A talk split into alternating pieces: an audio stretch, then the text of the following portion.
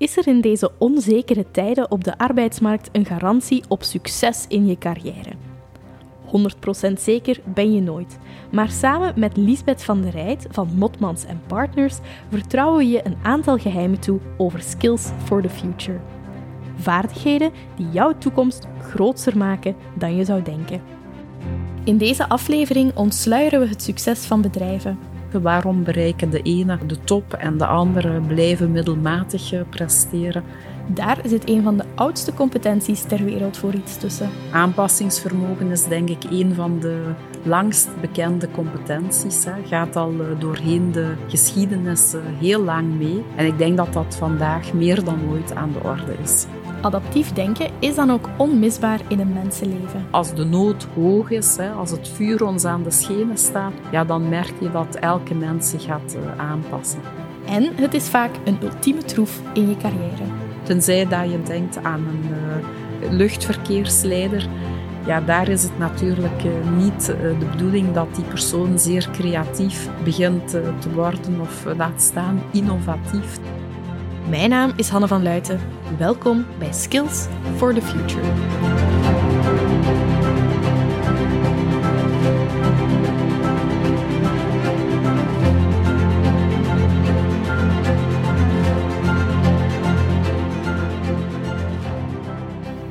Welkom Lisbeth. Vandaag gaan we het hebben over adaptief denken. Een begrip dat bij mij meteen de Engelse frase oproept van thinking outside the box. Is dat een goede definitie van de competentie waarover we het vandaag hebben, of zit ik er daarmee echt volledig naast? Wel, het is zeker een van de onderdelen van aanpassingsvermogen. Als wij spreken over aanpassingsvermogen, knippen we dat doorgaans op in drie onderdelen, drie onderliggende competenties, namelijk creativiteit, wendbaarheid of flexibiliteit en innovatievermogen.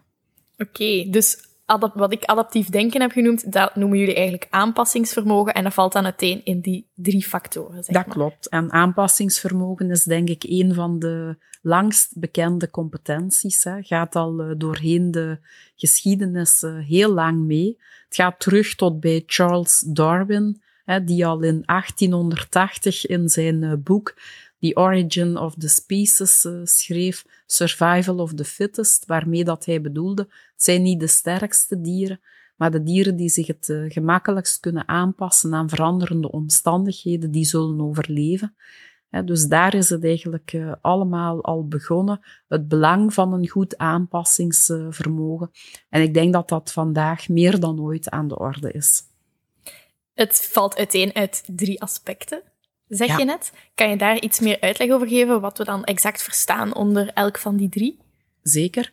Dus we zitten in de, in de denkstijl uh, van mensen, hè, waarbij dat we eigenlijk uh, enerzijds kunnen uh, denken aan het oplossen van problemen. Hè, we hebben allemaal dagelijks wat uitdagingen.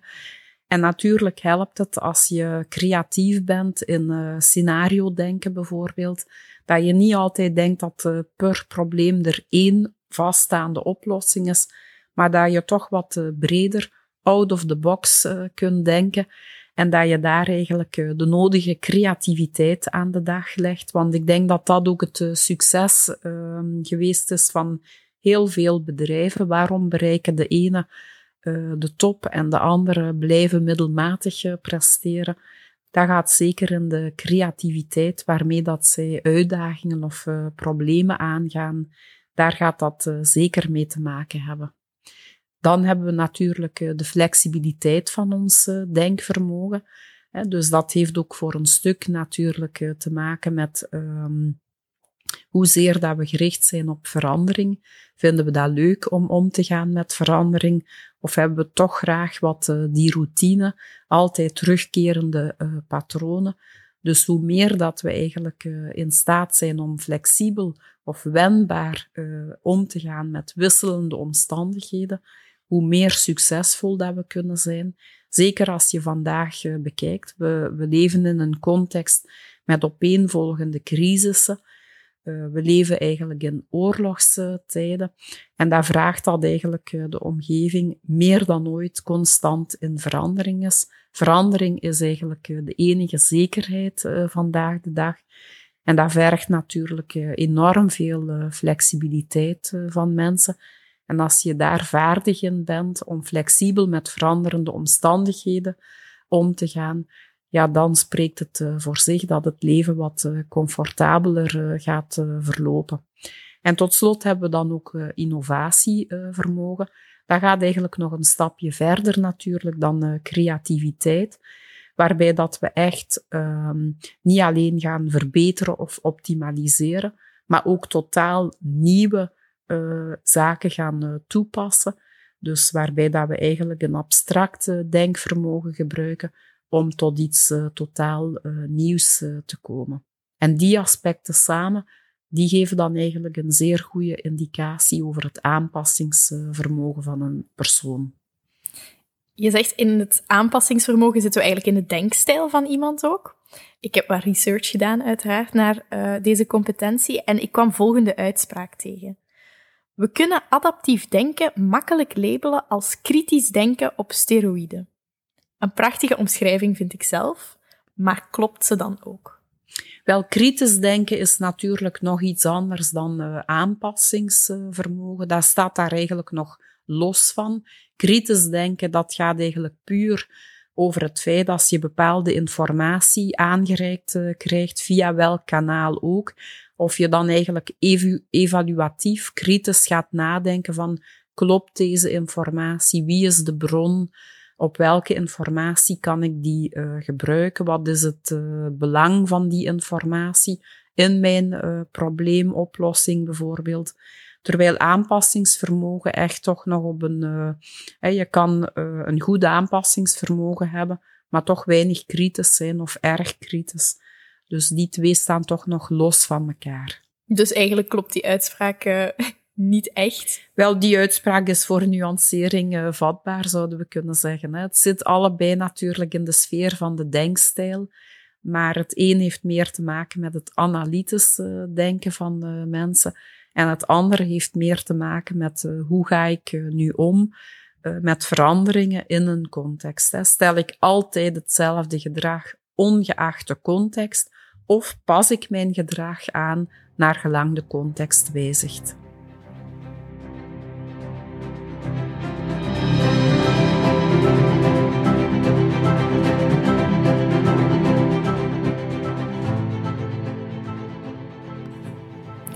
Je haalt net ook aan, Charles Darwin zei het eigenlijk al, hè, dat we ons moeten aanpassen en dat dat uh, een onmisbare skill is. Maar wij spreken natuurlijk over skills for the future.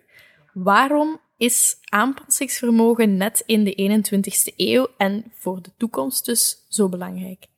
Wel, ik denk als je kijkt naar uh, historisch uh, ontwikkelingen of veranderingen of innovaties, uh, vroeger ging dat eigenlijk uh, in één generatie, kon er zich een verandering uh, voordoen of een nieuwe evolutie, bij manier van spreken, van een bepaalde technologie. Hè, denk maar aan de industriële revolutie of de digitale revolutie. Maar vandaag de dag volgen veranderingen zich alsmaar sneller op. Als je alleen al kijkt naar de versies van een bepaalde smartphone, ja, dat gaat niet meer over generaties, maar dat gaat over enkele jaren. Soms um, is iets een jaar oud en is dat eigenlijk al uh, verouderd. Hè. Dus zo snel gaat de verandering uh, tegenwoordig. Um, en dat maakt dat die competentie natuurlijk uh, alsmaar belangrijker wordt, alsmaar zichtbaarder wordt ook, of je een goed aanpassingsvermogen hebt of niet. Dus uh, het is wel altijd belangrijk geweest natuurlijk in de ontwikkeling van de soort. dus wij zijn uh, de, de homo sapiens uh, geworden die we vandaag zijn, doordat we een aanpassingsvermogen hebben, een groot aanpassingsvermogen. Dat is ons succes. Maar vandaag volgen die veranderende omstandigheden zich zodanig sterk op en iedereen wordt daarmee geconfronteerd. En neem nu een pandemie. Niemand ontsnapt daaraan en we hebben ons allemaal moeten aanpassen. En bij de ene persoon ging dat uh, vlotter dan bij de andere. En dat uh, gaat natuurlijk uh, bepalen het comfort waarmee dat je vervolgens nog bepaalde rollen professioneel kan opnemen. Andere mensen hebben daar wat meer tijd voor nodig gehad. Als we plots alles via Zoom, via Teams meetings gingen moeten doen. Sommige mensen waren daar razendsnel aan aangepast, hebben heel snel die klik gemaakt, zeg maar. En bij anderen duurde dat wat langer. En daar ga je merken natuurlijk dat vanaf het ogenblik dat je aanpassingsvermogen op een bepaald level zit, ja, dat dat toch zeer helpend is bij de uitoefening van je job. Is er een generatieverschil? Want je zegt, um, vroeger was het zo dat er over één generatie een, een verandering kon plaatsvinden en nu volgen die elkaar veel sneller op. Zijn jongere generaties misschien ook beter gewapend? Hebben die een groter aanpassingsvermogen om met die snelle veranderingen om te gaan? Daar ben ik helemaal van overtuigd, hè, omdat zij dat al lerend, al spelend, uh, bij manier van spreken uh, geleerd hebben, hè, om zich snel aan te passen. Zij zijn meteen geconfronteerd met nieuwste technieken, de evoluties daarin ook, met diverse bronnen van informatie. En zij hebben dat eigenlijk meegekregen als spelenderwijze. Dus die vaardigheid, die is eigenlijk van nature aangeleerd. En dat maakt ook dat Generation Z bijvoorbeeld daar een enorme voorsprong heeft. Hè. Zij zijn zeer flexibel, heel erg wendbaar, hebben die veranderingen in hun context eigenlijk als een normaal gegeven meegekregen. Terwijl dat bepaalde generaties eerder toch stabiele omgevingen gekend hebben, vaste patronen, zeg maar, en daar minder mogelijkheden gehad hebben om te leren. Ja, nu, uh, Generation Z, die gaat stil aan de arbeidsmarkt op. Dat zal niet lang meer duren, of dat is al bezig voor een stukje. Um, ook daar heb ik het gevoel dat veel werkgevers van hun medewerkers ook een groot aanpassingsvermogen verwachten. Klopt dat? Dat klopt, zeker en vast. Uh, dus ik denk dat uh, dat je nauwelijks situaties uh, kan bedenken waarin dat een aanpassingsvermogen niet aan de orde is. Tenzij dat je natuurlijk bijvoorbeeld denkt aan een luchtverkeer, luchtverkeersleider.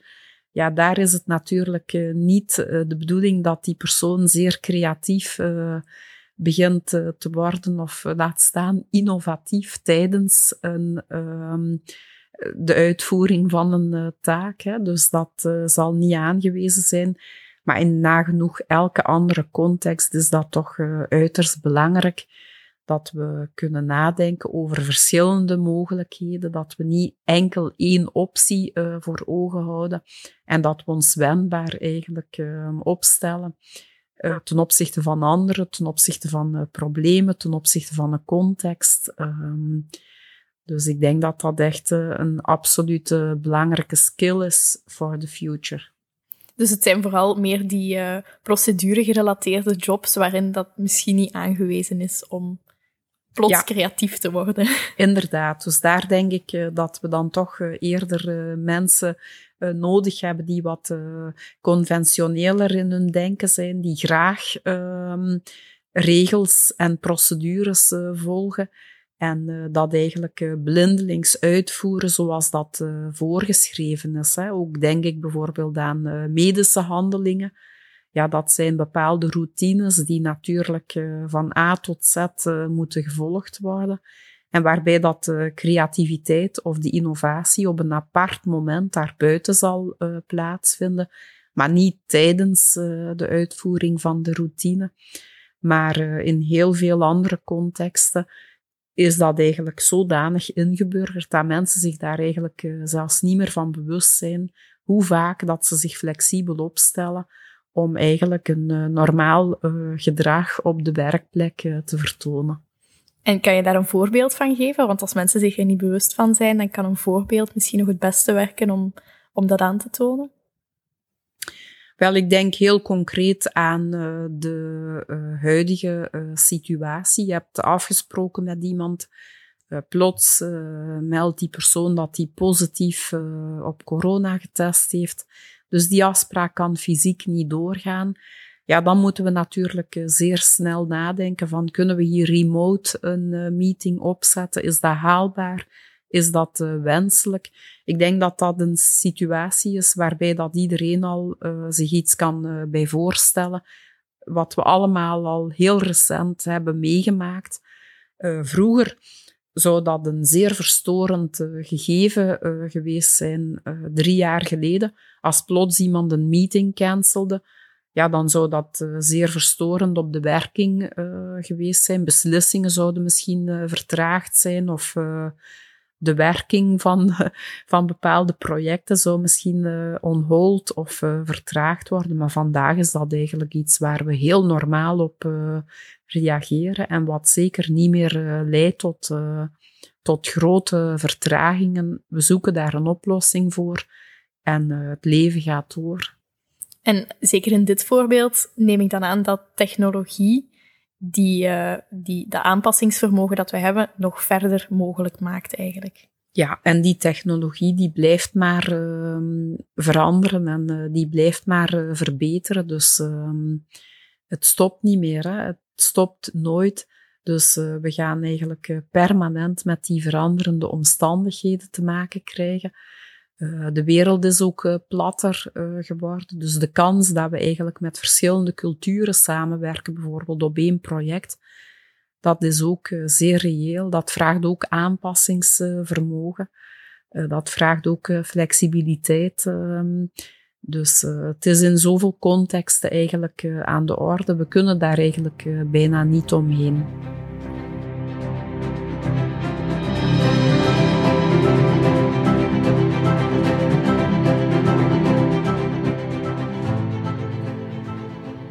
Het lijkt bijna uh, een, een, open deur intrappen met deze vraag. Maar ja, uiteraard heeft dat individueel heel veel voordelen als je je snel kan aanpassen, ook voor je gemoedsrust neem ik aan.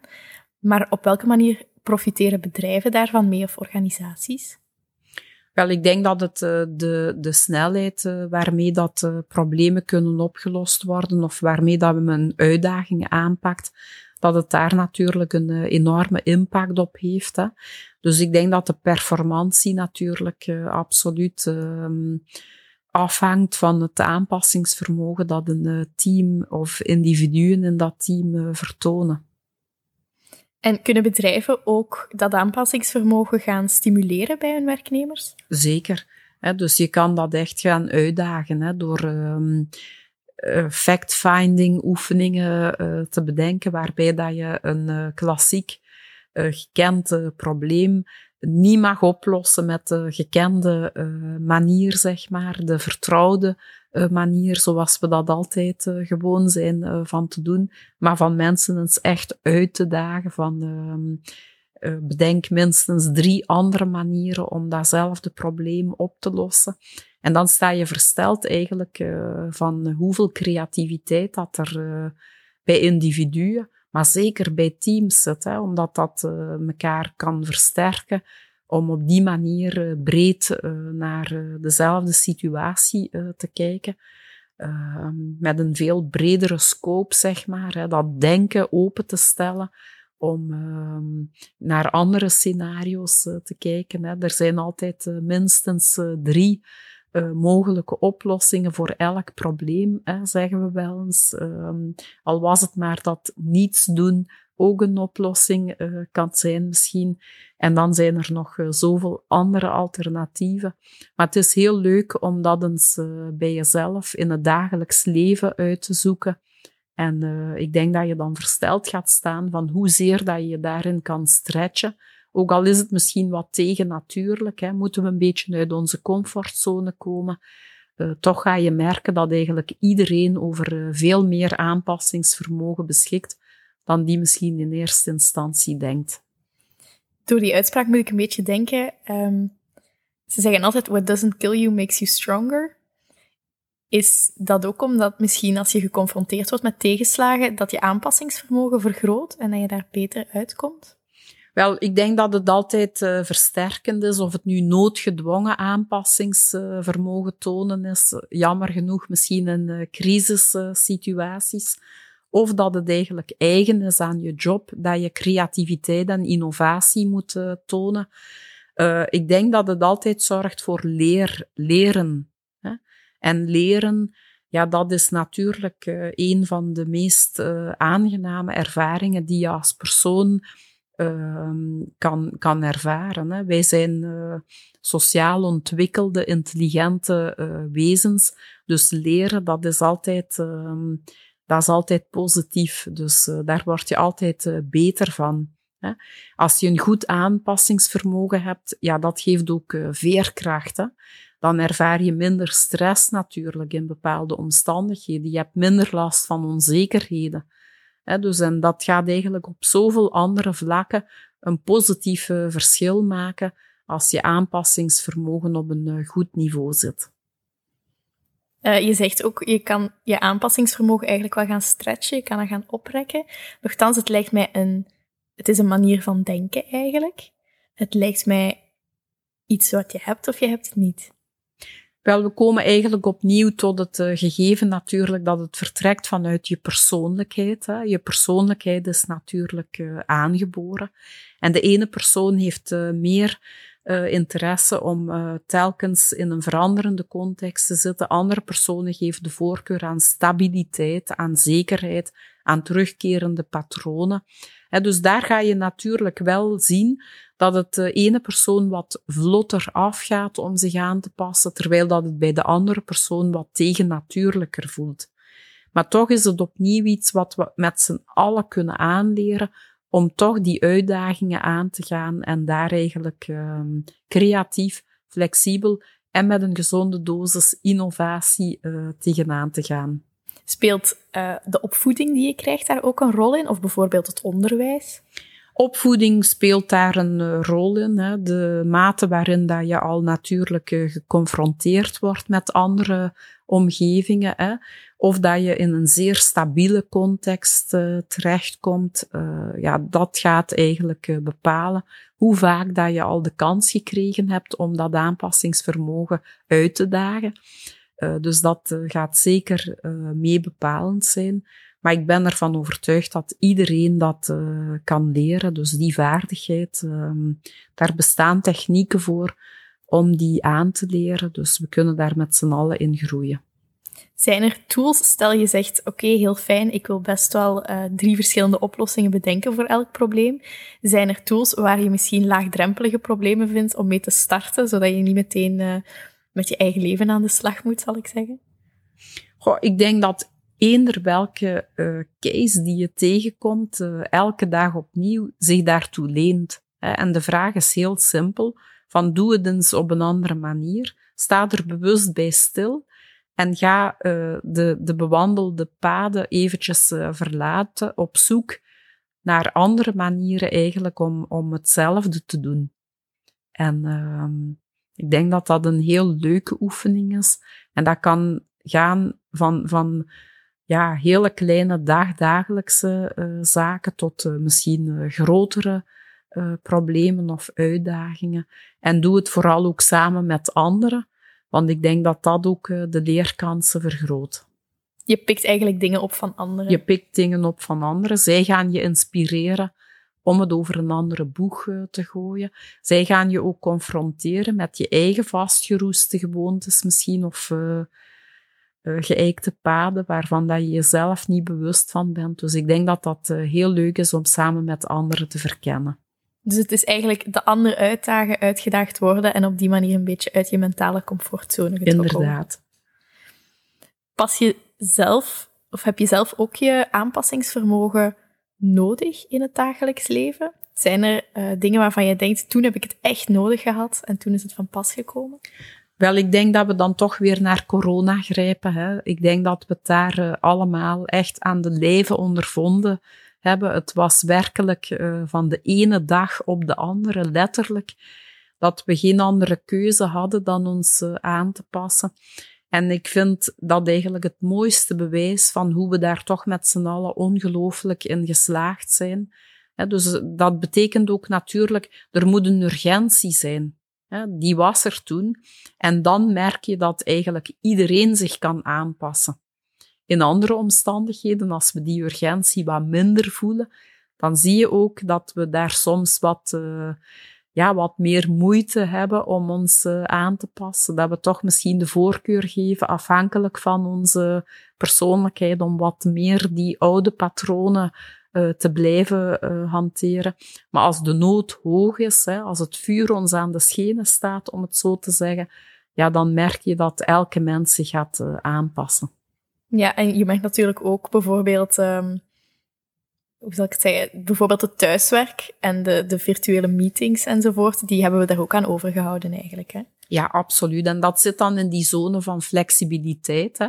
Zelfs voor mensen waar dat misschien een, eh, een vreemde gedachte was, dat we plaats en tijd onafhankelijk eh, konden werken. Ja, ik denk dat de grootste non-believers er nu wel achter zijn te, gekomen dat quasi alles eigenlijk uh, remote, van op afstand, uh, op een andere plek, in een andere tijdsfase, kan, uh, kan gebeuren en kan gebeuren op een efficiënte en productieve manier. En dat is ook natuurlijk ehm, heel mooi om te zien. Dus eigenlijk laat ons aanpassingsvermogen ons ook zoeken naar hoe we dingen beter kunnen doen. Ja, dus inderdaad. Hè. Dus we zien dat uh, als de situatie er ons toe noodzaakt, hè, dat mensen zich kunnen aanpassen, massaal zich kunnen aanpassen, en dat dat altijd leidt tot uh, verbetering, tot uh, vooruitgang, uh, dat we dan snelheid maken en dat er plots veel meer kan. Ik vind dat een heel mooie gedachte om mee af te ronden, Lisbeth. Heel erg bedankt voor het gesprek. Graag gedaan. Volgende keer gaan we het hebben over crossculturele competenties. Prima. U hoorde mijn stem en die van Liesbeth van der Rijt. De montage van deze podcast werd verzorgd door Jeroen Olaert. Voor het geluid bedanken we ook Seppe Germaud. En ik bedank u voor het luisteren. Volgende keer gaat het over crossculturele competenties. Tot in de toekomst!